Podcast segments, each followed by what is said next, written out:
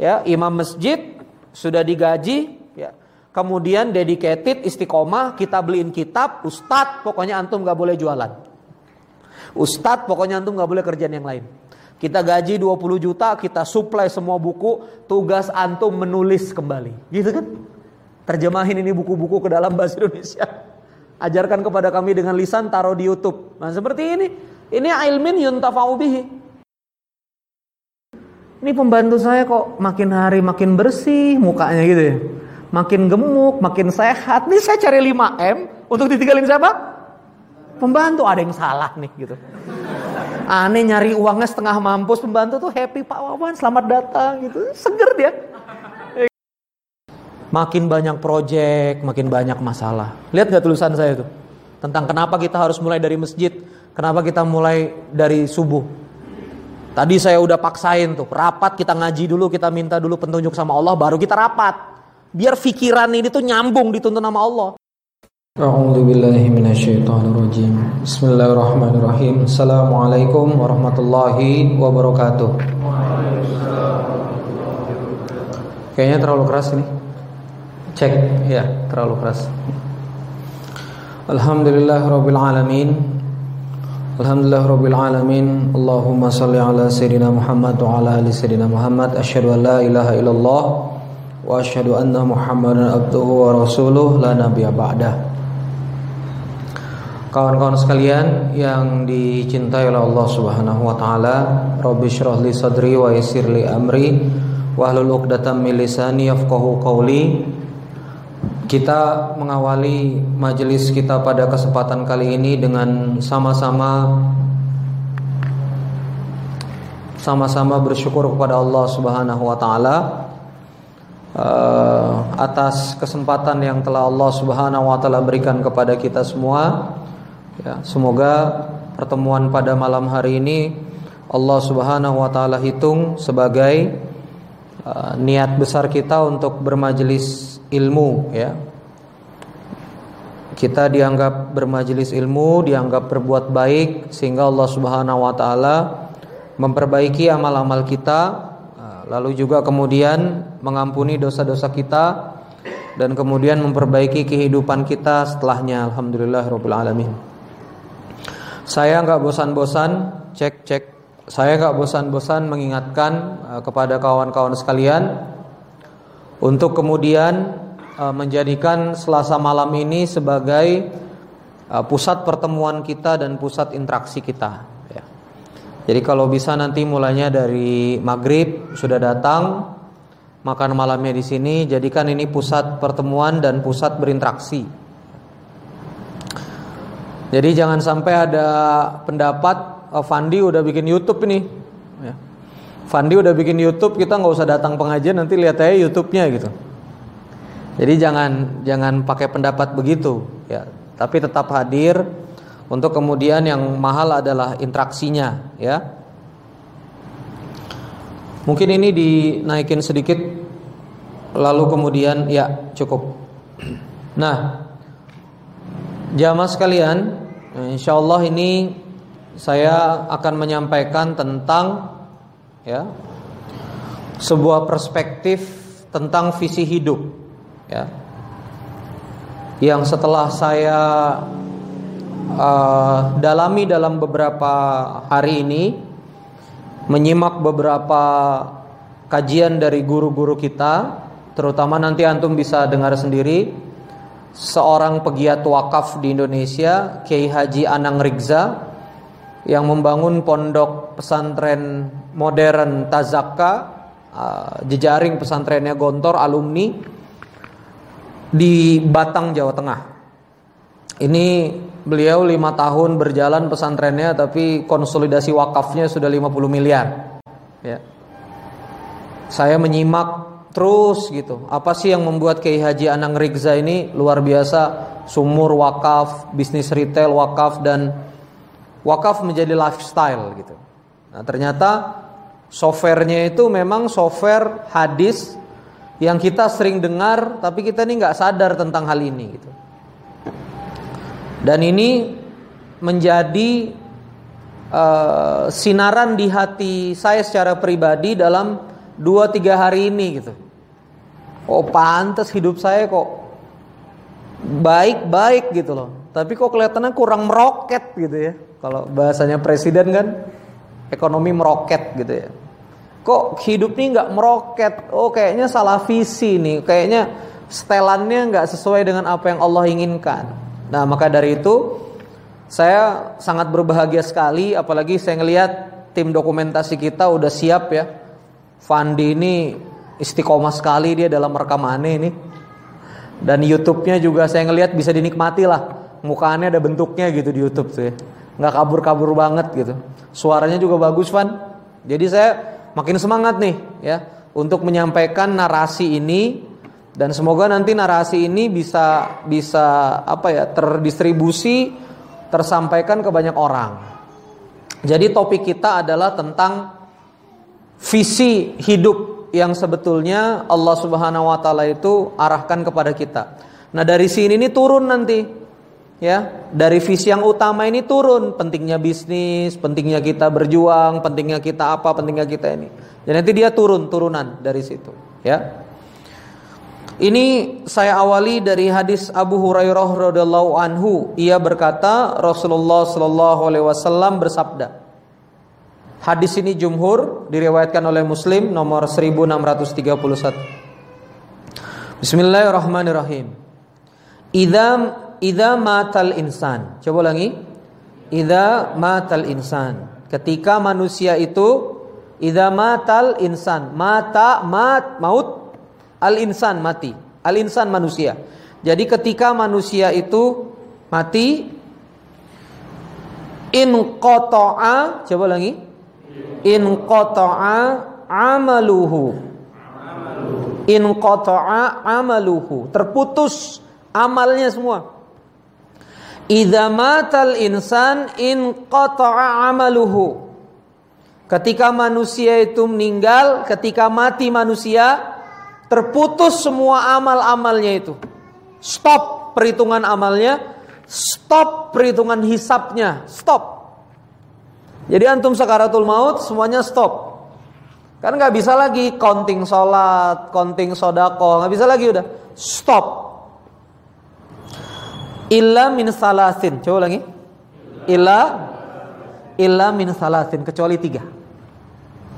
Ya. Min sadaqatin jariyatin ya, yang pertama adalah sodako jariyah.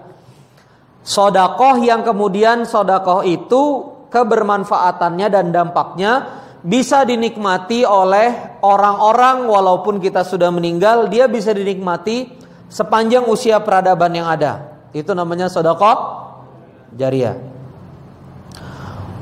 Wa ilmin yuntafa'u bihi. Coba lagi. Wa ilmin yuntafa'u bihi. Sama-sama. Wa ilmin ulangi. Yuntafa'u bihi. Wa ilmin yuntafa'u bihi. Dan ilmu yang bermanfaat. Ya. Dan yang ketiga adalah wawaladin salih. Coba lagi. Yad'u lahu. Yang mendoakan Anda. Nah, ini kan hadis Anda sering dengar. Ya. Ini hadis kita sering dengar, tapi malam hari ini seperti biasanya kajian Selasa malam ini akan membahas ini dari sisi yang berbeda. Ya. Jadi itu positioning kita di YouTube. Ya. Karena kalau kita di sini membahas secara din, Ustadz Adi Hidayat lebih mantap tuh membahas. Ustadz Abdul Somad apalagi, lewatlah kita. Ya. Jadi kita ambil porsi di celah YouTube ini, ya perspektif kita membahas din ini secara progresif pada sisi yang lain. Jadi secara konteks begini sahabat sekalian, jamaah. Meninggal putus semua amal kecuali tiga. Sodakoh jariah, sesuatu yang kita keluarkan lalu bermanfaat. Ilmin wa ilmin yuntafa'u bihi ilmu yang bermanfaat. Lalu yang ketiga adalah wawaladin soleh anak yang soleh. Jadi hanya tiga itu yang nyambung terus walaupun kita sudah meninggal. Nah karena karena narasi hadis ini adalah putus semua amal kecuali tiga, maka sebetulnya wajar kalau selama hidup ini pikiran kita ini mutar-mutar pada tiga hal ini. Setuju nggak? Halo, Anda bangun bisnis meninggal, bisnisnya berjalan, bisa dilikuidasi orang bagi-bagi ke ahli waris selesai. Anda bisa bangun macam-macam di dunia ini, ngumpulin Ngumpulin apa? Ngumpulin rumah, ngumpulin harta segala macam. Begitu Anda meninggal likuidasi bagi-bagi ahli waris. Dorongan Islam kepada visi hidup itu ternyata cuma di tiga ini. Sodakoh jariah, ilmu yang bermanfaat, dan yang ketiga adalah doa anak yang soleh. Nah, saya ingin membahas dulu dari segi syariatnya. Apa itu sodako jariah? Sodako jariah itu dikeluarkannya uang untuk sesuatu yang mana sesuatu itu bermanfaat panjang. Dan jumhur ulama sepakat sodako jariah ini definisinya adalah wakaf. Ya, wakaf. Jadi kita mengeluarkan uang untuk bangun masjid, bangun sumur, bangun mata air, bangun jalan, membelikan mesin apa mesin penerangan atau mesin genset pesantren, yang dia relatif ya kebermanfaatan itu panjang itu namanya sodako jariah dan jumhur ulama sepakat ini adalah wakaf. Di sodako jariah itu. Lalu yang kedua ilmin yuntafau bihi. Ilmin yuntafau bihi itu artinya kalau kita mengajarkan sesuatu misalnya di sini kita punya guru ngaji Ardian nih udah Ardi nih masya Allah. Dia ngajarin tahsin 10 orang. A'udzu billahi minasyaiton. Minasyaitonir rajim. Bukan jim, jim. Nggak boleh keluar. Itu tasin. Ya, bukan au, a'udzu billah, ain, bukan au, tapi a'udzu billah. Diajarin nih ngaji kepada 10 orang. Ilmu ini kemudian diajarkan lagi ke anak-anak yang dia ajarin ngaji itu, diajarin lagi, diajarin, diajarin lagi. Nah, ilmu ini selama dia mengalir ke generasi terus menerus, udah Ardi dapat ilmu ini. Pahala ilmu yang bermanfaat itu selama ilmu itu dipraktekkan, udah Ardi ini dapat. Ya.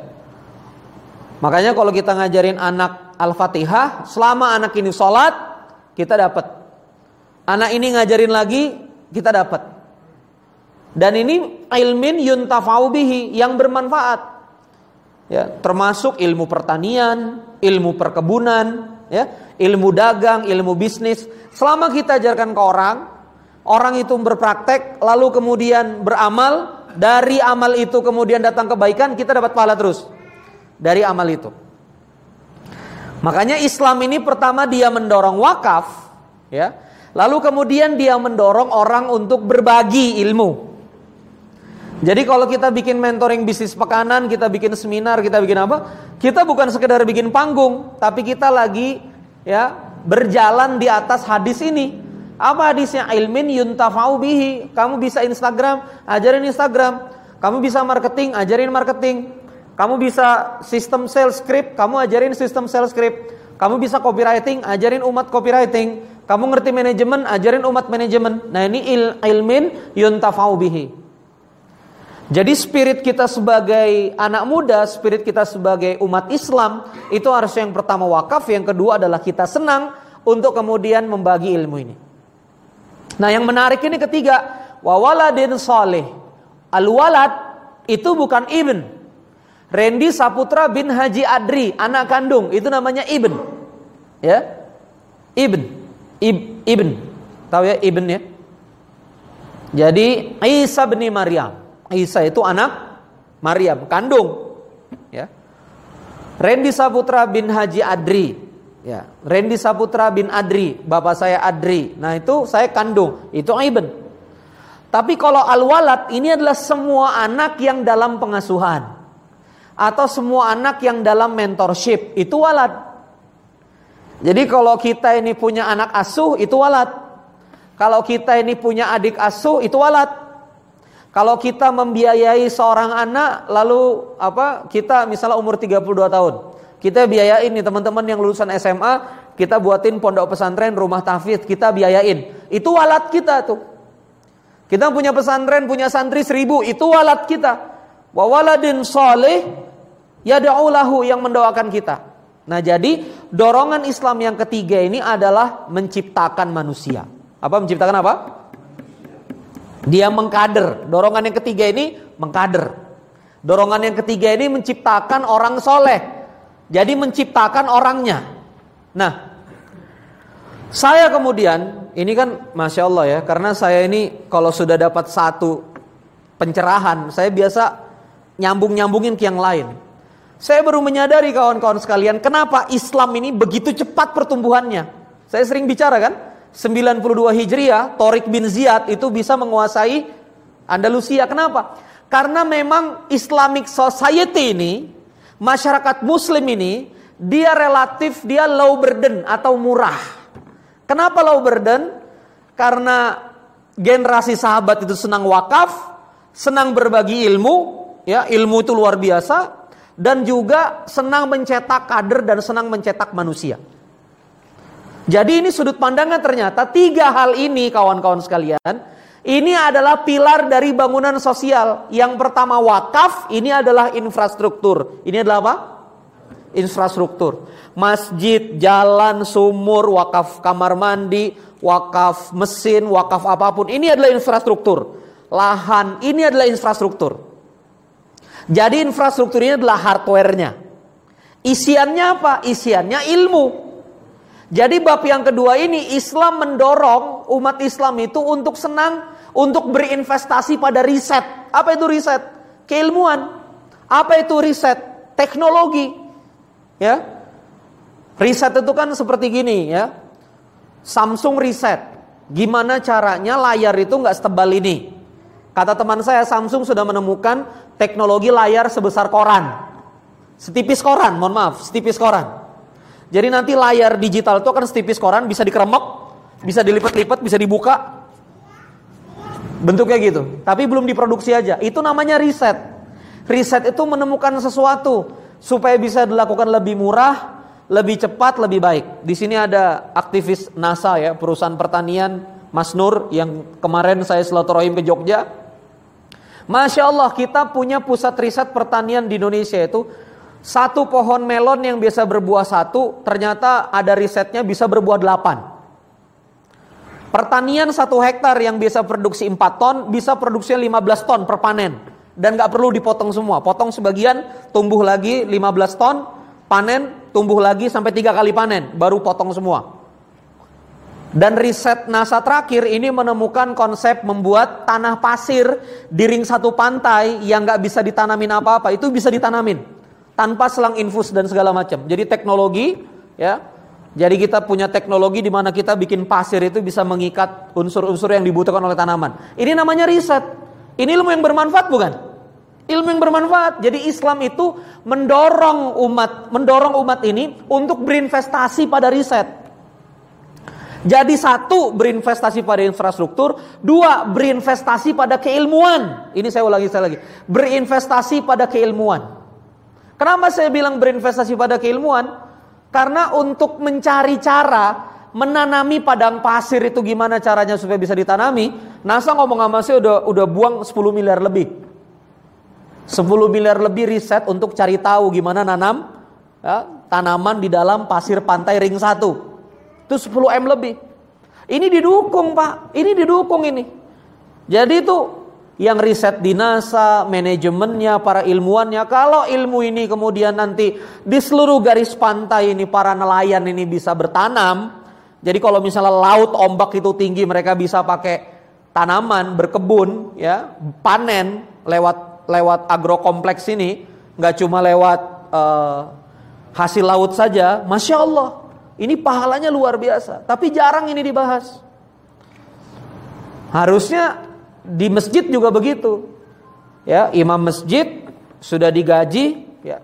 Kemudian dedicated istiqomah, kita beliin kitab, ustadz pokoknya antum nggak boleh jualan.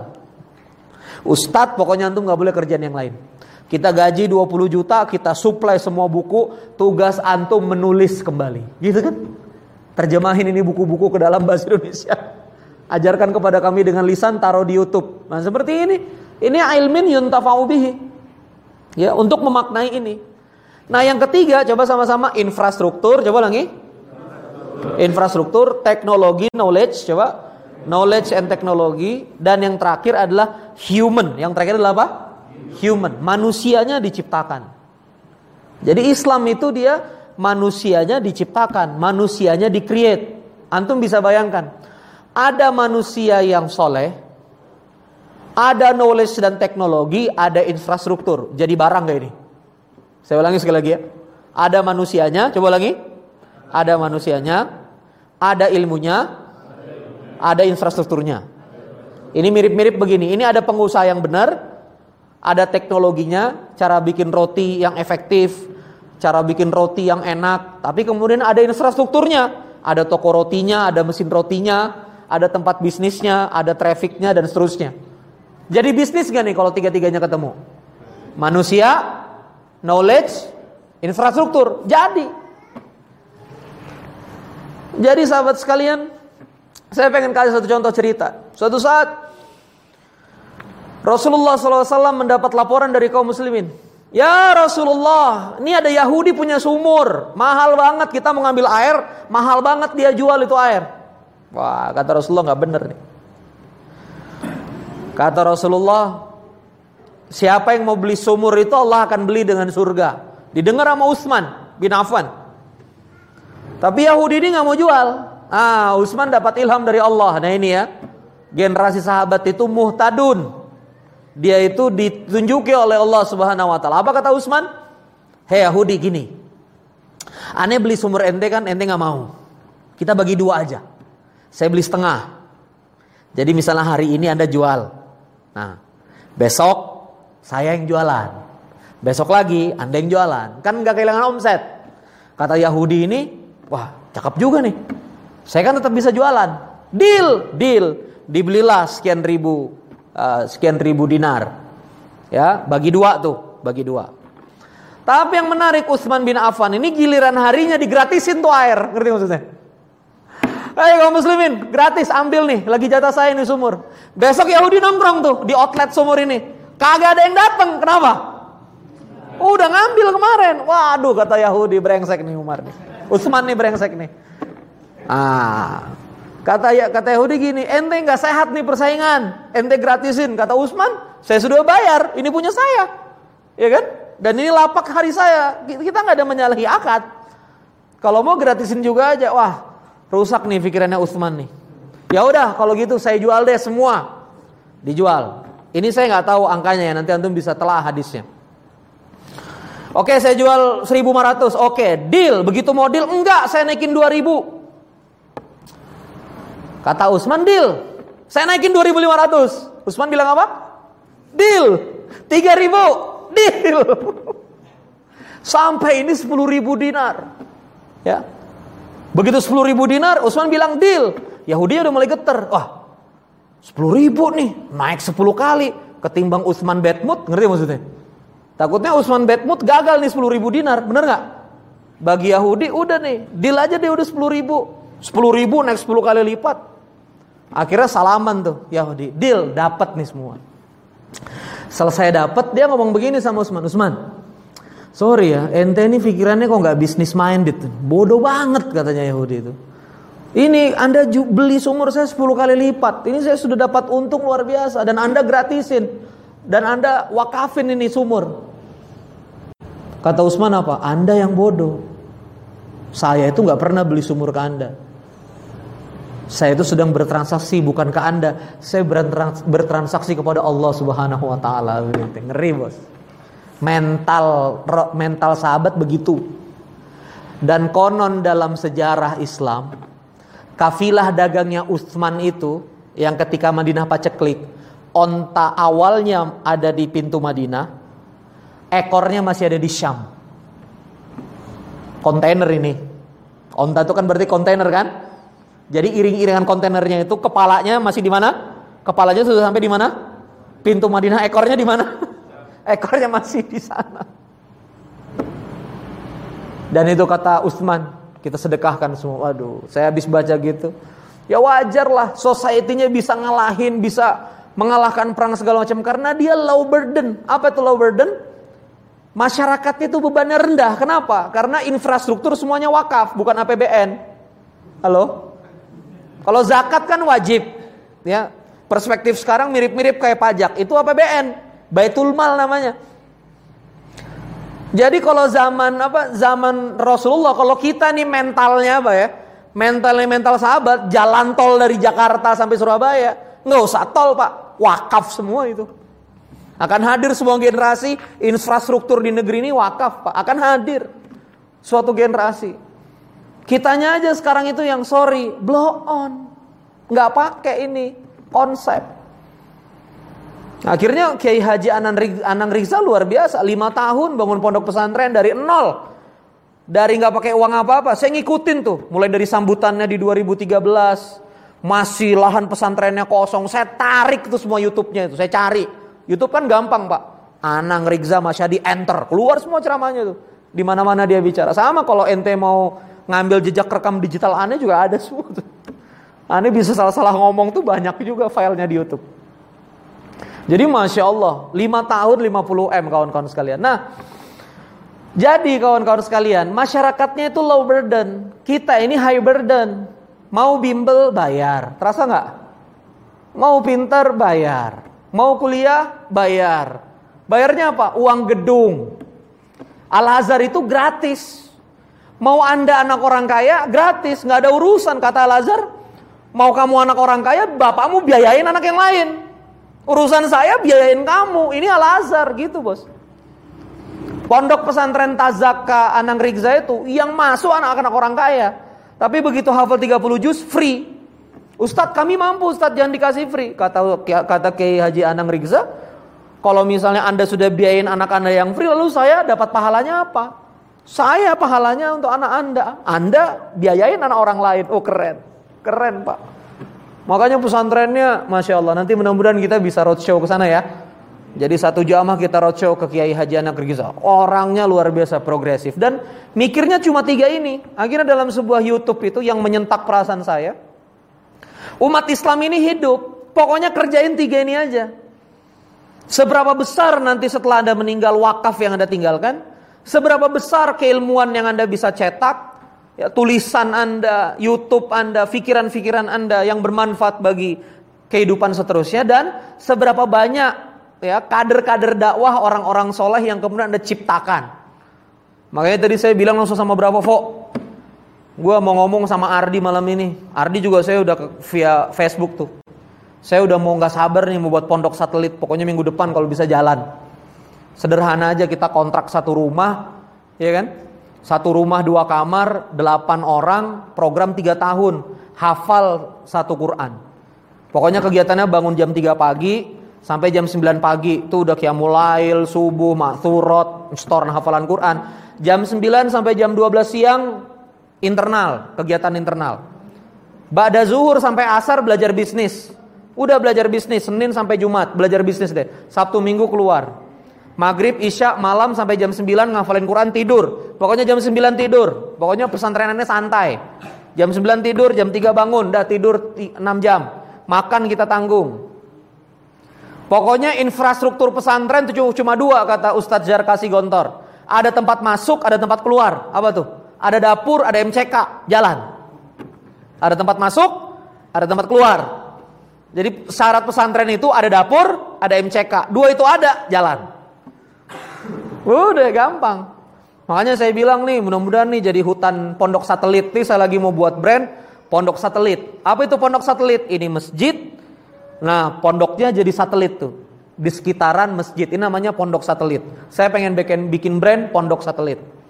Pokoknya hafal Quran 3 tahun 36 bulan hafal Quran bisa bisnis. Gampang. Sabtu Minggu kita suruh keluar, magang kayak seminar kayak kita kasih makan full, kita kasih tempat tinggal full. Ya. Pokoknya sekolah kehidupan, syarat lulus SMA, program 3 tahun. Kita mulai. Karena arahnya apa? Coba sama-sama wawaladun soleh. Coba lagi. Wawaladun soleh. Ilmin yuntafa'u bihi. Sodako jariyah. Sodako jariyah. Bayangkan ikhwah, kawan-kawan sekalian jamaah, kalau ini jadi budaya. Sekarang kita sulit, petani-petani kita nggak punya tempat penggilingan penggilingan gabah. Anggap penggilingan gabah 20 miliar. Konsolidasi 20 masjid. Semiliar, semiliar, semiliar, semiliar. Wakaf penggilingan gabah. Kalau udah wakaf, perhatikan ini. Kalau udah wakaf, wakaf penggilingan gabah. Dengerin nih lisan saya. Wakaf penggilingan gabah. Lahannya wakaf. Mesinnya wakaf. Manajemennya nazir. Digaji profesional dapat saham. Berani nggak institusi wakaf beli padi atau beli uh, gabah mahal, eh beli gabah murah? Nggak berani. Nggak ada urusan beli gabah murah, orang wakaf semua. Nggak saya tanya, kalau wakaf ada tanggung jawab pengembalian investasi nggak? Wakaf ada pengembalian investasi nggak? Nggak ada. Wakaf itu yang penting ada manfaatnya, nilainya abadi. Udah, umat udah tepuk tangan. Wih, masjid punya penggilingan gabah. Bismillah, yang penting operasionalnya jalan. Udah. Gabah yang biasa dibeli 6 ribu, mungkin kalau ada institusi wakaf nih penggilingan gabah, itu bisa dibeli 9 ribu pak. Sekarang Munzalan punya toko roti. Di toko roti itu kan bisa wakaf semua. Lahan toko rotinya wakaf, gedung toko rotinya wakaf. Paham nggak sampai sini? Lahan bisa wakaf nggak? Bisa. Boleh nggak lahan itu jadi tempat toko roti? Boleh. Di depan Masjidil Haram aja lahan wakaf jadi Grand Zamzam, jadi hotel, jadi mall. Itu kan lahan wakaf, Bos. Ente jangan gaptek gitu loh, jangan gagap informasi. Wah kacau nih, sesat nih ajaran nih. Wakaf jadi bisnis. Lah, la haula wala quwata Di depan Masjidil Haram itu tanah wakaf jadi bisnis, Bos. Nggak usah alergi. Emang ada hukumnya. Yang penting manfaatnya, keuntungannya kembali lagi ke umat. Umat Baitul Mal jadi ada pasif income nggak? Jadi ada pasif income, Bos. Masya Allah. Coba lahan toko rotinya wakaf. Toko rotinya wakaf. Mesin bisa wakaf nggak? Bisa, mesin bisa wakaf. Apa yang paling infak produktif? Paling modal kerja infak. Atau modal kerja, modal si pengusaha. Ya. Bahkan untuk wakaf uang tunai boleh tuh asal dijamin tidak mengalami kerugian. Tapi sudahlah kalau serem pakai modal kerja, infak produktif. Jalan nih. Omset roti itu kalau normal di komplek kayak kota wisata itu itu bisa 6 juta 7 juta sehari. Kalau bener aja ngelolanya bisa segitu tuh. Kalau 30 hari berarti bisa tembus 5 juta 30 hari. Berapa tuh? 150 juta. Roti itu, bakery itu, net income. Ini saya sudah pegang bakery ini berkali-kali nih. Net income tuh 30%. Berarti 150 juta, 30 juta. 70% buat masjid, berarti sekitar dua sekitar 21 juta, 9 juta buat pengusaha. Pengusahanya jadi punya modal, ya, wakaf umatnya produktif, lalu kemudian uh, wakaf umatnya terberdayakan, ada manfaat, lalu kemudian apa? Keuntungannya masuk kepada kas um umat. Jadi umat wakaf produktif sekitar 500 juta, 21 juta per bulan. Lahan wakaf nggak sewa, tokonya nggak wakaf. 21 bulan dikali 25 bulan kurang dari 2 tahun dana wakaf itu udah return quote and quote bener nggak 21 dikali 25 bulan ini berapa nih umur toko roti nih kalau lahan wakaf lahan wakaf sewa nggak enggak ya udah yang penting pakai aja terus untuk umat itu bisa 10 tahun pak nah ini adalah sistem ekonomi Islam jadi kalau kita ngomong sistem ekonomi Islam, jangan muter-muter, riba syirkah, riba syirkah, riba syirkah. Muter aja di situ, nggak keluar-keluar dari kolom itu. Lari dikit. Yang aslinya, yang aslinya apa? Wakaf, Pak. Wakaf, pembebasan, pembebasan, pembebasan. Makanya umat Islam di zaman Rasulullah, di zaman para sahabat itu berkahnya luar biasa. Kampus Al-Azhar wakaf, Gontor wakaf, Ratusan ribu santri keluar di sana itu wakaf. Masjid-masjid wakaf, wakaf. Sodako jariah, ilmu yang bermanfaat, mengkader. Nah sekarang saya ingin kita semua yang ada di sini visinya itu karena udah jelas ini. Ida matal insan, coba lagi. Ida matal insan kalau mati in amaluhu, terputus semua amal. Jadi jamaah mari kita tiga ini kita posisi Tiga ini yang kita yang kita apa yang kita target ya. Saya juga sekarang tiga ini yang saya target. Oke, nanti pondok pesantrennya masih kontrak. Tapi kalau udah jalan tiga tahun keluar 10 penghafal Quran, jalan tiga tahun keluar 20 penghafal Quran, ada nggak yang mau beli pondoknya tuh? Kira-kira? Kang, udah nih wakaf aja deh Kang. Oh, udah wakaf, tinggal bikin yayasannya udah terima wakaf. Sertifikat KUA udah sertifikat putih. Jadi 100 rumah di sekitaran BRP ini bisa jadi pondok satelit. 100 rumah, satu rumah santri 10, 1000 tiap subuh ke Baitul Salam. Brrr, keren. Bubar, brrr. Ini orang dari mana nih gitu. Pesantrennya nggak ada, tapi jadi pondok satelit nih semua. Lama-lama kita bebasin wakaf, wakaf, wakaf. Saya juga ngeliat tuh, kalau anda keluar BRP ke kiri, rasanya kan kalau kita bawa masjid publik ke dalam komplek rame-rame, rada susah gitu ya. Kita mau bangun, rasanya saya pengen bangun tuh di tempat sapi-sapi itu, bener ya. Kalau anda keluar kiri ada sapi-sapi itu ada, ada tulisannya nih, lahan dijual sekian ribu meter, udah saya salawatin tuh. Pokoknya gimana nih wakaf karena SD di depan ini butuh lahan buat SMP. Istri saya bilang sama saya, Kang, Abi kalau bisa bantu bikin SMP supaya Azhar nggak ke pesantren. Istri saya nggak mau tuh jauh-jauh dari Azhar. Udah deh kita bikinin SMP di depan. Yang penting masjidnya dulu ada, SMP sama pusat pergerakan, pusat aktivitas.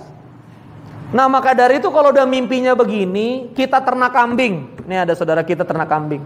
Kita ternak kambing, mimpinya apa? Supaya bisa Eh, kok nggak on? Supaya bisa apa? Wakaf. Kita bisnis. Ngajarin bikin SOP. SOP itu ilmu pengetahuan nggak? Ilmu pengetahuan. Supaya bisa diturunkan ke, ke generasi berikutnya. Berarti apa nih? Ilmin yuntafau bihi. Kita bisnis, bikin SOP, bikin riset supaya generasi berikutnya ada manfaatnya. Lalu kita mengkader orang, membentuk orang. Kita punya santri empat orang, sepuluh orang, supaya lah supaya kita juga dapat doa ketika kita ini sudah meninggal, kita dapat tuh pasif income doa itu. Makanya saya ya jamaah sekalian, setelah bergaul dengan Kiai Lukman pendiri Pondok Munzalan itu, beliau sering ngomong sama saya, udah Ren, muka-muka ente itu muka-muka pendiri pondok dari mana ya gitu. Udahlah pokoknya ente nggak bisa ngelak takdir lah satu aktivis masjid setelah ini punya pondok. Waduh gitu. Apa maksudnya nih? Saya baru ingat kakek saya Haji Amir itu deket sama Kiai Sarwani Zuhri. Memang pendiri pondok pesantren Arsyad Al-Banjari itu. Suatu hari kakek saya ini dibangunin rumah sama om saya. Jadi kayu-kayunya yang ulin-ulin itu, itu semuanya dipack diganti beton. Antum tahu nggak kayu-kayu ulin itu semuanya dibawa ke pesantren. Jangan dibuang buat pesantren. Kayak kakek saya begitu tuh. Kelakuan. Dapat uang dari anak-anaknya buat pesantren. Beli kurma buat pesantren. Nah pesantren itu di kilometer 19. Ini balik papan kilometer 19. Kakek saya itu pakai Astrea Astrea tahun 70 tuh. Naik motor. 25 kilo bolak-balik. Usia 60 ngaji kitab tiap pagi. Itu kakek saya tuh Haji Amir. Masya Allah. Saya baru sadar kenapa kakek saya udah menjelang tua begini semua kitab kuning tuh dikirim ke rumah saya di Bandung. Padahal saya nggak bisa bacanya. Pokoknya kata, kata, kata kakek saya, ente lanjutin. Lanjutin gimana bacanya nggak bisa. Tapi emang kayaknya emang nasib jadi kiai pondok nih kayaknya. Nggak bisa kita menghindar nih takdir nih.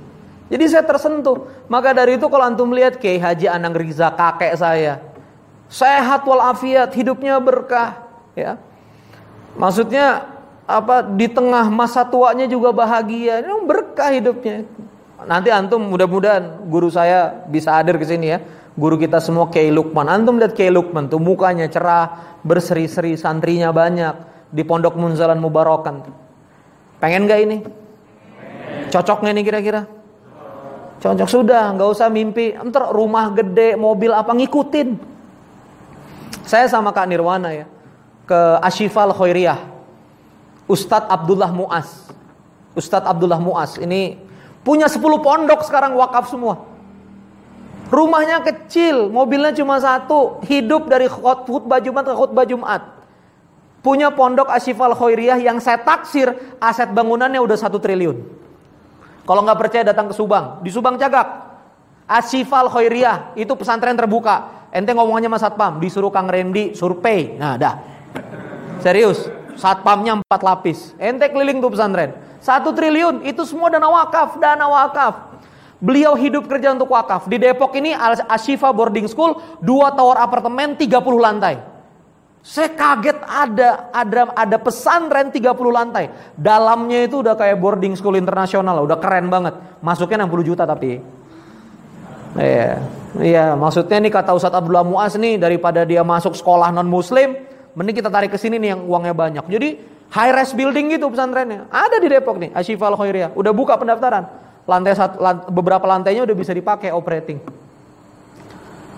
Orangnya sederhana, tapi kalau antum ketemu energinya gede, sehat walafiat, begitu salaman nyetrum. Ini orang hidupnya untuk tiga visi tadi itu. Emang udah jelas bahwa softwarenya itu idza matal insan in qata amaluhu illa min salatin, kecuali tiga. Sadaqah jariyah, ilmin yuntafa'u bihi dan wawaladun sholih yad'u Jangan dilawan. Sekali lagi ini saya ulangi, jangan dilawan, jangan dilawan software dari Allah ini jangan ente lawan. Gue mau ternak kambing, habis ternak kambing gue mau punya rumah satu hektar. Nanti ada pacuan kuda di belakang, ada kolam renang. Nanti kalau saya kaya begini, saya bisa pilih akhwat mana saja. Genit mikirnya hadirin. Nanti saya mau punya Porsche, mau punya Ferrari, mau punya apa. Kalau ada visinya begini, kata Allah apa? Kalau visi anda itu dunia, aku cerai beraikan. Aku cerai beraikan hidupmu. Saya baru sadar, saya baru sadar Masya Allah. Walaupun tipis-tipis gitu ya, ya Allah kan pengen punya rumah gede supaya bisa dakwahnya optimal padamu. Gitu tuh. Ya Allah kan kalau punya rumah gede kan bisa syukuran, bisa pengajian. Ngajak temen kan rame, kalau parkir kan gede. Saya dua-duanya masih begitu tuh, akhir-akhir dulu-dulu tuh. Tapi beberapa hari ini porak-poranda tuh visi hidup saya. Pokoknya ke depan kita mesti punya wakaf perkebunan. Kita mesti punya wakaf lahan sawah. Udah pokoknya mulut kita ini mandala ala khairin falahu mithlu ajri fa'ilihi. Barang siapa jadi fasilitas kebaikan baginya pahala yang sama.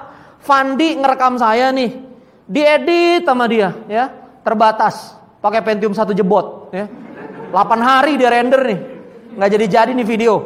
Ya kan? Kang dia render, dia upload di YouTube. Nah, orang nonton Tersentuh nih sama ceramah, infak satu hektar, Fandi dapat pala satu hektar. Jangan iri ente. Fandi dapat pala satu hektar. Jadi yang memonopoli pahala kita semua, nih anak nih, hati-hati nih, mending dikudeta aja mending. Ente geser deh fungsinya. Sama, ente juga begitu ada YouTube-nya, ente share, share yang lambangnya panah tuh ke kanan. Ya, kalau ente nggak tahu di pojok kanan bawah. Ente share tuh di Facebook, pam, share to WhatsApp, ya, broadcast, to grup, to WA. Nih dengerin nih konsep wakaf. Ada yang tersentuh, wakaf dia. Ya Allah, saya punya rumah 10. Ya Allah, saya punya rumah 20. Coba lihat gayanya orang kaya di Indonesia hari ini. Alhamdulillah rumah saya 20. Bangga banget. Di Lembang satu, ah di Cipaku satu. Yang ninggalin pembantu, Bos. Saya ketemu sama owner properti, wallahi ini, wallahi demi Allah. Saya ketemu sama owner properti di Malang, eh di Jogja, dia lagi bangun masjid 8 tower apartemen. Wih, keren punya. Keren punya. Damai Living namanya ya. Saya buka aja Damai Living. Kang Wawan namanya, Masya Allah. Ini orang soleh nih. Dia punya rumah miliaran. Jadi beliau ini dulu punya bisnis sebelumnya. Sebelumnya ini bisnisnya luar biasa lah. Rupiahnya deras. Jadi dia punya rumah di Jabodetabek ini 5M. Ditinggalin sebulan dua kali. Relatif empat hari. Yang ninggalin pembantu. Dia rekrut nih pembantu nih. Dari zaman susah dia taruh tuh mbak jagain ya. Terus Kang Wan bilang gini. Ini pembantu saya kok makin hari makin bersih mukanya gitu ya. Makin gemuk, makin sehat. Ini saya cari 5M untuk ditinggalin siapa? Pembantu ada yang salah nih gitu. Aneh nyari uangnya setengah mampus pembantu tuh happy Pak Wawan selamat datang gitu. Seger dia. Ya kan? Berarti kalau empat hari pembantu ninggalin bebas berapa berapa hari? 28 hari bos punya dia semua. Lo bener nggak? 28 hari makanya tuh kalau dalam orang Banjar, ini seorang Banjar ya, rezeki itu yang dimakan dan yang dimanfaatkan itu namanya rezeki. Punya rumah 10, rezekinya nggak 10, ya rezekinya cuma satu doang. Kecuali ente semalam tuh ente gilir tuh sejam-sejam 10 rumah sampai pagi. Baru tuh kerasa. Jadi kawan-kawan udah nggak usah norak. Ya, ini sekalian saya ngomong sama teman-teman yang kaya-kaya nggak usah deh. Bismillah, nggak salah pak punya aset nggak salah. Cuma lifestyle itu wakaf. Sekarang nih Kang, masya Allah nih ya. Kejadian para pengusaha di Indonesia begitu meninggal, ya begitu meninggal dia punya 10 SPBU. Anak ada 7. Dibagi-bagi nggak mau. Kita likuidasi semua. Kita bagi rame-rame. Gitu. Dijual nih SPBU. Kalau dijual jadi apa? Jadi cash. Sekarang saya tanya saya balik ya. Ente punya cash. Bisa nggak bikin 7 SPBU? Belum tentu. Izinnya. Belum tentu. Posisinya, trafficnya bagus. Bisnis itu bukan tentang aset aja pak tentang posisi, infrastruktur, market, legalitas, perizinan. Akhirnya apa? Diduitin ini semua. Jadi ini duit semua. Berat, jadiin duit semua. Jadi cash nggak? Halo, jadi cash nggak? Jadi cash. Tahun depan habis nggak? Habis. Sekarang kita ubah, sekarang kita ubah. Kalau Anda punya 8 SPBU, satu SPBU kira-kira 20 selang. Tahu selang? Tahu selang? Ini boleh, wakaf selang boleh. Saya wakafin selang Pertama Plus yang ini untuk pesantren, boleh. 20 selang, 10 7 SPBU. Berarti ada berapa selang tuh? 140 selang. Ente yang punya SPBU ngomong gini. Saya wakafin 70 selang, 70 selang buat keluarga saya. Begitu Anda meninggal bisa dijual gini SPBU? Nggak bisa, Pak. Karena setengahnya sudah wakaf. Nggak bisa Pak dijual. Halo. Halo. Nggak bisa. Jadi gimana? Kita wakaf aja. ini dakwah kita ke orang kaya, Bos. Dan wakaf ini solusi bagi orang kaya. Ustadz Anang Rizza cerita, banyak orang yang uangnya banyak banget, gelisah sama dosa-dosanya. Ya Allah, saya cari proyek sambil pakai karaoke. Saya cari proyek pakai cewek itu. Ke birokrat-birokrat. Saya dapat proyek ini pakai riswah. Saya mau bersihin, saya mau sedekain semua gimana nih galau dan segala macam. Muncul ayat, bersihkanlah hartamu dengan zakat. Zakat dia. Berapa zakat? Dua setengah persen, 50 miliar dapat berapa? Ini nggak pernah ngitung uang banyak sih ente. Kacau nih mentalnya. 50 miliar, 10 persennya 5 miliar. Bagi 4, 1,25 M.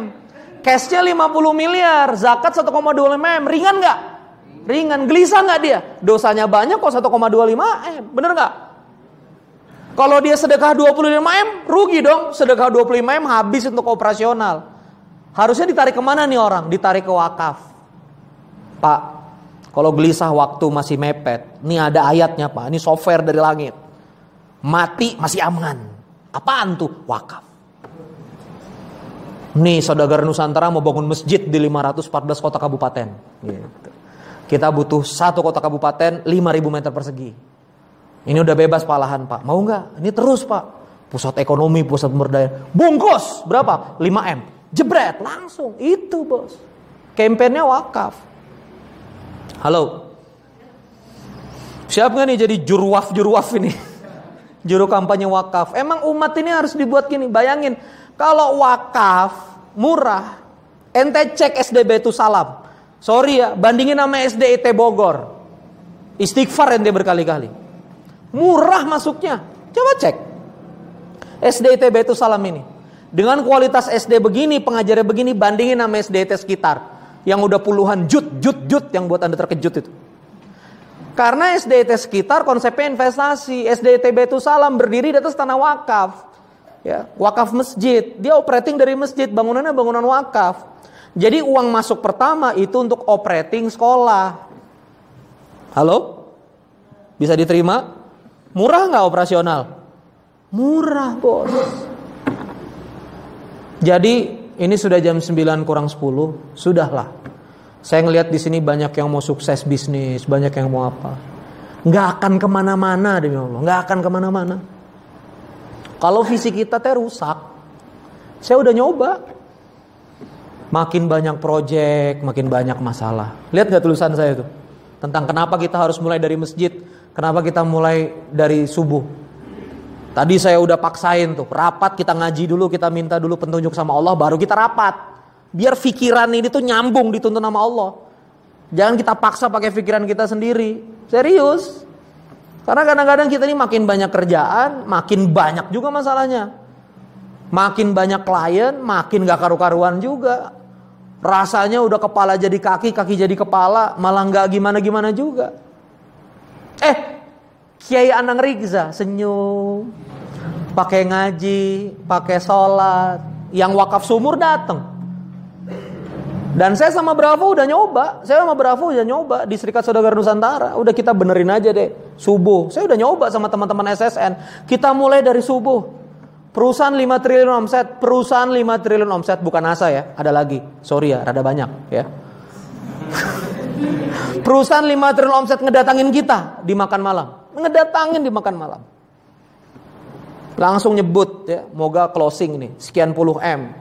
Anda punya ide nggak kalau kita kasih sekian puluh M? Wah, kita digituin. Ya.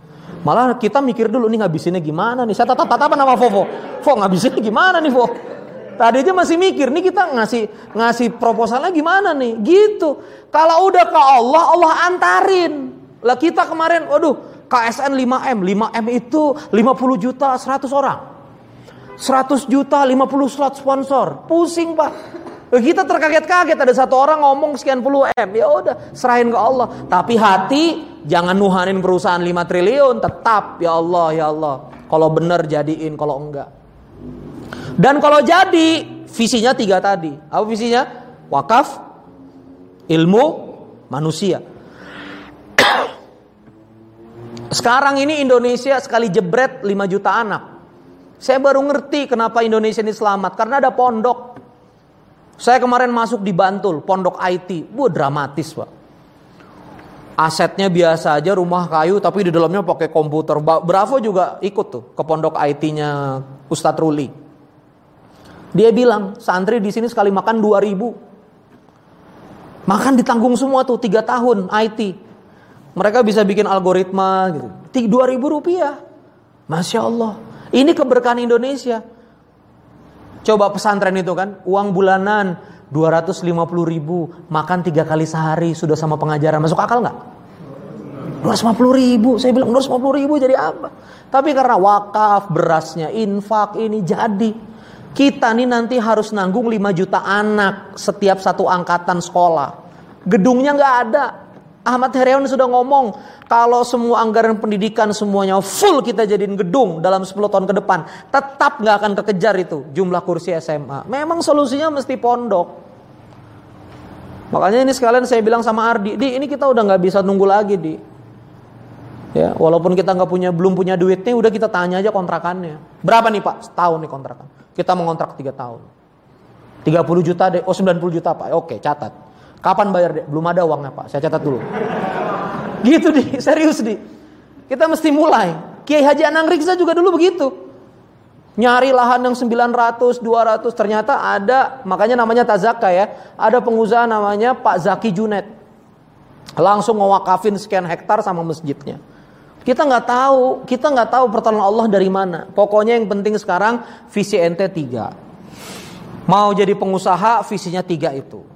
Mau jadi apa pun visinya tiga itu. Pokoknya saya mau kontribusi di wakaf, mau satu meter persegi pun. Saya mau kontribusi di keilmuan, saya mau kontribusi dalam menciptakan manu manusia. Udah pegang tiga, jadi hidup ente berkah, insya Allah. Tapi kalau sudah niatnya, ya Allah, ibu itu punya tas 80 juta ya. Ya Allah, si tante itu pakai Hermes 1,5 M. Coba Tas 1,5 M. Itu kalau jadi makan santri sampai hari kiamat kali.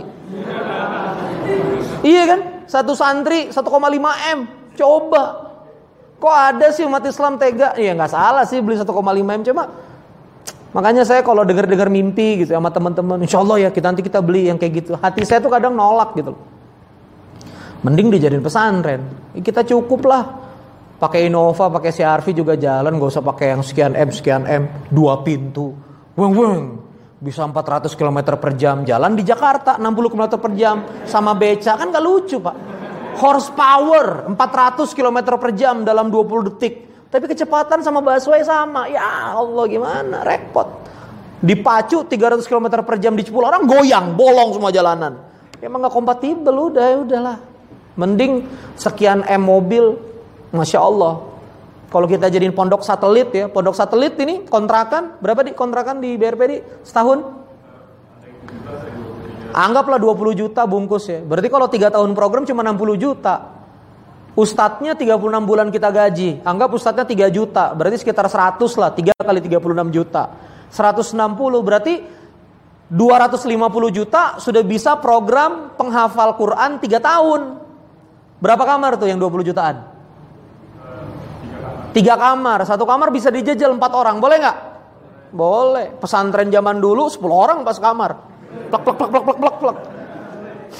Pagi gulung. Nah kita enggak lah manusiawi ya, buat empat. Nggak apa-apa. Berarti kalau tiga kamar 12 santri.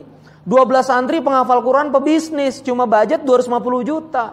Berarti tas Hermes 1,25 M. Wih di, bisa di berapa pondok tuh selama 3 tahun? Bisa jadi 5 pondok, bener nggak? Ayo ibu-ibu YouTube, ayo ini lelang-lelang tas. Yang mau tobat tobat ya. Udah. Bener, saya dalam tiga hari ini nyesel, umur 32 tahun. Pantes aneh gak ke mana-mana gitu. Salah nih visinya nih. Ya, pantes. Kita baru sadar dikit. Maksudnya baru baru tobat dikit. Nggak banyak tobatnya, baru dikit. Kita mulai dari subuh. Wah itu keajaibannya udah banyak. NASA ini triliunan juga. Ya, langsung ketemu direktur utamanya. Allah antarkan lagi yang 5 triliun. Allah bukakan lagi kesempatan. Allah bukakan lagi jaringan ke masjid. Saya kemarin ceramah di Masjid Suciati Saliman. Pengusaha muslimah ayam wakaf masjid 60M plek plek Madinah, plek plek saya pegang-pegang. Wih bener nih plek plek Madinah, bener. Sampai desainnya, pilarnya, waduh berat deh bos, 60 m. Sama program-programnya Ibu Suciati Saliman yang menyuplai McD dan KFC di Jawa Tengah. Konon ratusan miliar tiap bulan. Ngeri bos, ngeri. Mimpinya apa? Wakaf, dakwah, gitu bos. Kita uang gak ada, imajinasi aja pelit. Ngeri maksudnya. Ini uang belum punya nih. Wakaf 60 M. Wih, banyak banget 60 M, Kang. Ntar dulu, belum belum. Duitnya belum ada. Ente ngebayangin wakaf 60 M aja berat. Belum ada loh duitnya. Ini kata malaikat ini pedit bin pedit nih. Duitnya belum ada, diajak menghayal, diajak mimpi, diajak bangun visi udah berat. Ya berat, ya berat gimana kita? Bener nggak? Padahal kita punya Allah. Sudahlah kawan-kawan sekalian, Mau sesat lama apa mau sesat sebentar? Mau cepat balik apa mau lama balik? Udah deh, saya sekarang kampanye ke teman-teman semua, termasuk ke jamaah yang nonton YouTube. Coba sama-sama setel ulang visi hidup. Coba lagi. Ayatnya jelas, izal matal insan. Kalau you mati, kalau you mati selesai semua. Kan gitu di sini bos. Nggak pakai teriak aja ini kan, emotikonnya nggak ada. Izal matal insan, inta kota amaluhu. Habis semua. Illa min salas. Kecuali tiga. Sodoko jariah. Ilmu yang bermanfaat. Anak yang soleh. Pegang udah tiga. Jangan goyang. Ente mau ngapain lagi di kehidupan? Matinya pasti. Saya ulangi lagi. Matinya pasti bos. Matinya pasti. Kulu nafsin zaikotul maut. Cuma tiga yang Allah jamin. Udah jebret. Mau ngapain sih? Saya nyetel nih, saya nyetel sekarang visi. Masya Allah, rumah tangga berubah. Baru nyetel dikit. Set, setel. Sama NASA pokoknya wakaf perkebunan. Nanti wakaf pabrik pupuk, wakaf sawit, wakaf. Ustadz Abdul Somad, Ustadz Adi Hidayat, kalau dikasih amplop, ini pengalaman panitia. Berapa puluh juta pun, aneh terima ya, aneh balikin lagi ke panitia Ane udah punya hektaran wakaf sawit untuk menopang kehidupan Ana di Riau. Oh, geleng-geleng kita bos. Ini baru Ustad. Kalau kita Ustadz Randy diundang, sibuk tuh manajemen. Ada support nggak? Bayarin nggak pesawat? Ini masih begitu Randy Saputra. Tapi Ustadz Hidayat ini aneh terima ya, aneh balikin lagi. Kenapa? Karena para ustadz, para dai ditopang sama wakaf. Kelar bos. Ternak kambing wakaf, keren kan? Pengolahan kornetnya wakaf, keren. Ternak kambing, pengolahan kornetnya wakaf. Pengalengannya wakaf. Dijualnya ke retail masjid, keren. Cepat nih sejahtera umat kalau begini. Enak jadi presiden kalau umatnya begini. APBN nggak kepake. APBN kita 100 triliun. Kenapa? Semua pembangunan wakaf. Wih, keren. Udah mau tuh aneh jadi presiden tuh. Kalau begitu. Kalau sekarang nggak mau, berat. Berat. Bangun ini infrastruktur, utang sekian ribu triliun. Utang 5 ribu triliun, berat. Nggak ada yang mau. Kalau kita punya kekuatan umat sebegitu kuat itu, bisa nggak suatu saat presiden negeri ini siaran? Assalamualaikum warahmatullahi wabarakatuh. Jamaah sekalian, umat Islam, negeri kita mayoritas Islam. Hari ini kita punya utang 5000 triliun. Mari kita selesaikan dalam seminggu ke depan. Ini rekeningnya, silakan transfer. Kita akan bebaskan negara ini dari hutang. Selesai nggak kira-kira? 50 juta orang kirim 10 juta, 10 juta, 100 juta selesai. Jadi nggak usah susah-susah pak ngelunasin utang, balikin aja ke umat. Obligasi dalam negeri keluarin. Dari luar negeri kita geser ke dalam negeri. Apa masalah Turki sekarang? Hutang luar negerinya gede. Gitu. Liranya jatuh 66% sekarang. Coba kalau kita pakai wakaf. Selesai. Ini kalau diterusin bahaya ya. Bisa ke mana-mana. Oke, setuju? Setuju ya? Saya doain kita niatnya punya karir bagus, punya bisnis bagus supaya bisa punya wakaf besar. Amin. Yang nggak sanggup wakaf, ilmu yang manfaat. Nulis, ngetik. Walaupun ketik panjang, nggak bagus, hapus. Lagi ada yang punya pengalaman begitu ya? Masih awal-awal nulis pasti gitu, ngetik panjang, nggak ada paragrafnya. Begitu dibaca udah kayak pohon gitu ya, udah kayak batang. Bingung gitu nih, mana paragrafnya nih, mana pikiran utama, mana pikiran pengembang nih susah. Tapi nggak apa-apa, tulis saja. Ada ilmu sedikit share. Itu ilmu yang bermanfaat. Dan yang ketiga, mulai coba punya adik asuh. Setuju nggak? Satu. Ustadz Yusuf tuh mulai dari dua orang. Ditaruh di rumahnya, di kamarnya. Harun nih saya. Ustadz Yusuf itu mulai dari dua orang. Ini orang-orang kayak di Indonesia banyak nggak kamarnya kosong? Banyak. Kita budayain nanti. Kok Bu kalau punya kamar kosong dua boleh nggak nitip santri? Pokoknya santri jam 9 sampai siang ngebersihin kamar ibu. Nanti zuhur sampai asar belajar di masjid. Numpang tidur aja di situ sama numpang makan. Numpang masuk sama numpang keluar. Udah. Keren nggak kalau orang kaya di Indonesia punya budaya begitu? Kamar kosong buat 4 santri, 8 santri. Berkah ini negeri, berkah. Sekarang yang nggak berkah apa? Rumah gede. Penghuni cuma dua. Pensiunan nggak kuat bayar pembantu. Ngepel, Masya Allah, tawaf ngepel Eh, 400 meter persegi bolak balik bolak balik ngepel pagi selesai asar ngepel begitu selesai asar. Dikerjain nama rumah dikerjain nama dunia dikerjain nama dunia. Di depan mata kepala saya sendiri pensiunan rumah 400 meter persegi dua lantai dikerjain dunia pagi sampai asar tuh. Tan kenapa Tan dibersihin terus? Oh, kalau nggak dibersihin debu ren. Bayangin oh. Pensiunan nggak bisa nggak bisa bayar pembantu lagi, dikerjain dunia. Hah. Coba dua lantai, masukin santri 50. Siapa yang ngebersihin? Santri, bener. Susah amat. Berasnya infak, makannya dapur, susah udah. Antum tahu saudara kita ada di Facebook, masya Allah, orangnya dekat masih hidup, Ahmad Baidillah Bara, Ahmad Torik Bara, mantan presiden TDA, Antum ke rumahnya tuh, binaul ummah.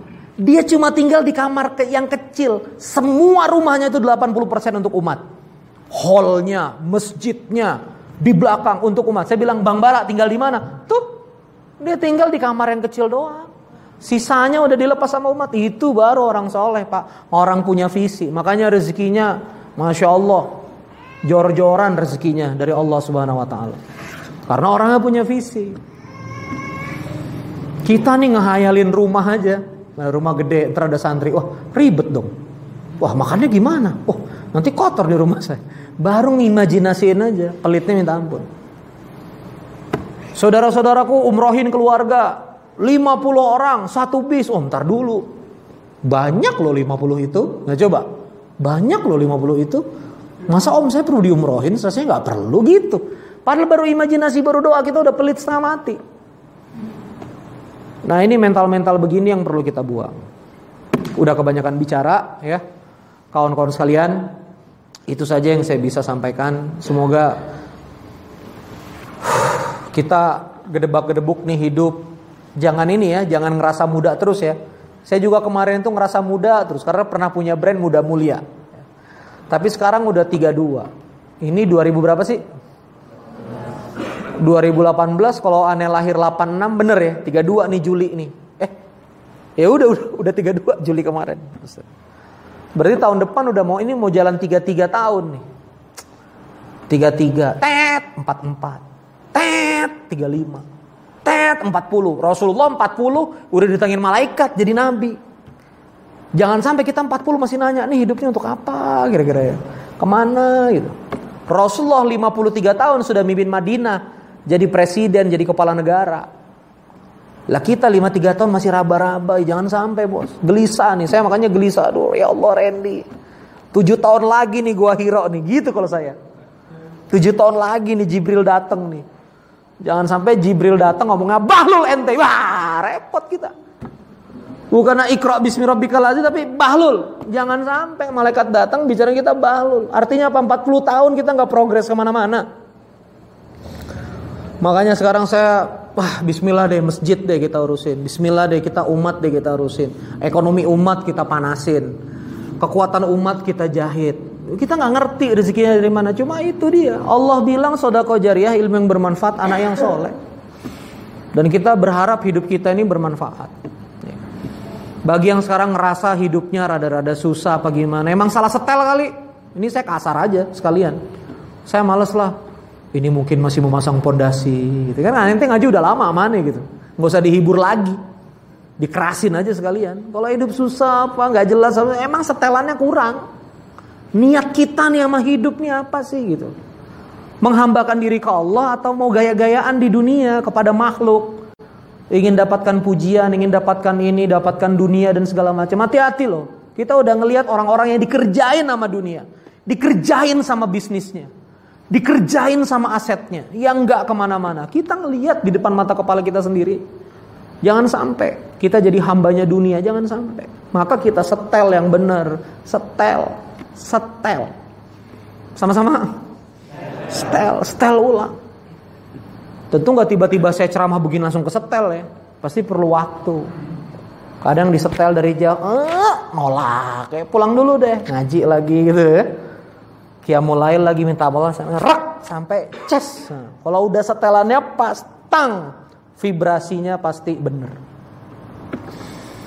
Saya udah ngerasain kalau vibrasinya bener Masya Allah. Suciati Saliman pengusaha datang bantuan-bantuan dukungan support. Kok bisa ketemu ini kok bisa ketemu ini? Batik habis ada yang ngasih batik. Ya, serius. Kita baru ngomong nih batik nih kayaknya. Berat ya. Refill terus kita pakai nih. Ini terus batiknya. Kasih sama batik paradise. Just kasih saya baru mimpi. Ya Allah kalau bisa nih teman-teman SSN ke pertanian ke perkebunan. Tapi gimana cara? Langsung didatangin perusahaannya. Yang punya penyuluhannya, punya nutrisinya, punya sistemnya, punya bisnis modelnya, punya plasma nutfahnya, punya benihnya. Masya Allah, Allah langsung kasih. Asal kita setelannya pas. Ya. Doain besok saya Pokja Jabar ya. Diminta sama uh, beberapa instansi untuk berpikir tentang bagaimana memajukan UKM di provinsi tersebut. Bukan profesor dokter tuh saya lihat di grup tuh Pokja. Masya Allah, ini orang-orang hebat semua nih. Tapi kita sama Allah dimasukin ke situ. Besok saya sama Bravo ke sana. Ya, ngasih saran. Yang dibahas kooperasi lagi. Udah saya upload tulisan saya tentang kooperasi. Wah cocok nih Kang Randy besok. Masya Allah. Jadi coba sama-sama kalau setelannya pas. Coba lagi. Jadi. Coba lagi. Kalau frekuensinya rusak. Error. Paham? Stel. Ngaji ini yang paling mahal nyetel itu, nyetel. Gitu ya. Semoga Allah Subhanahu wa taala berkahi kita. Terima kasih jamaah sekalian. Kita tutup dengan doa. Allahumma shalli ala sayyidina Muhammad wa ala ali sayyidina Muhammad. Al-Fatihah. A'udzu billahi minasyaitonir rajim. Bismillahirrahmanirrahim. Alhamdulillahirabbil alamin arrahmanirrahim maliki yaumiddin. Iyyaka na'budu wa iyyaka nasta'in. Ihdinas siratal mustaqim siratal ladzina an'amta 'alaihim ghairil maghdubi 'alaihim waladdallin. Bismillahirrahmanirrahim. Astaghfirullahaladzim, astaghfirullahaladzim. Astaghfirullahaladzim. Allahumma ighfir lil muslimina wal muslimat wal mu'minina wal mu'minat al ahya'i minhum wal amwat innaka sami'un qaribun mujibu da'wat ya qadiyal hajat Allahumma inna nas'aluka salamatan fid dinina wa afiatan fil jasadina wa ziratan fil ilmina wa barakatan fi rizqina wa taubatan qabla mautina wa rahmatan indal mautina wa maghfiratan ba'dal mautina. Allahumma hawin alaina fi sakratil mautina wa najata minan nar wal afwa indal hisab.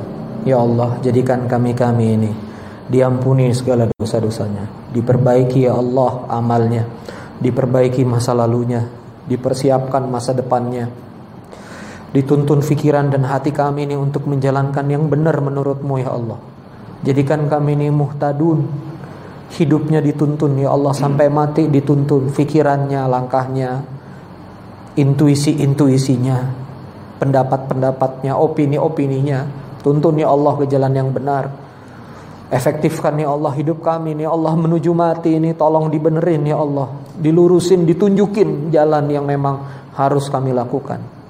Karuniakan pekerjaan yang memang kami harus selesaikan pertemukan dengan orang-orang yang memang harus kami temui.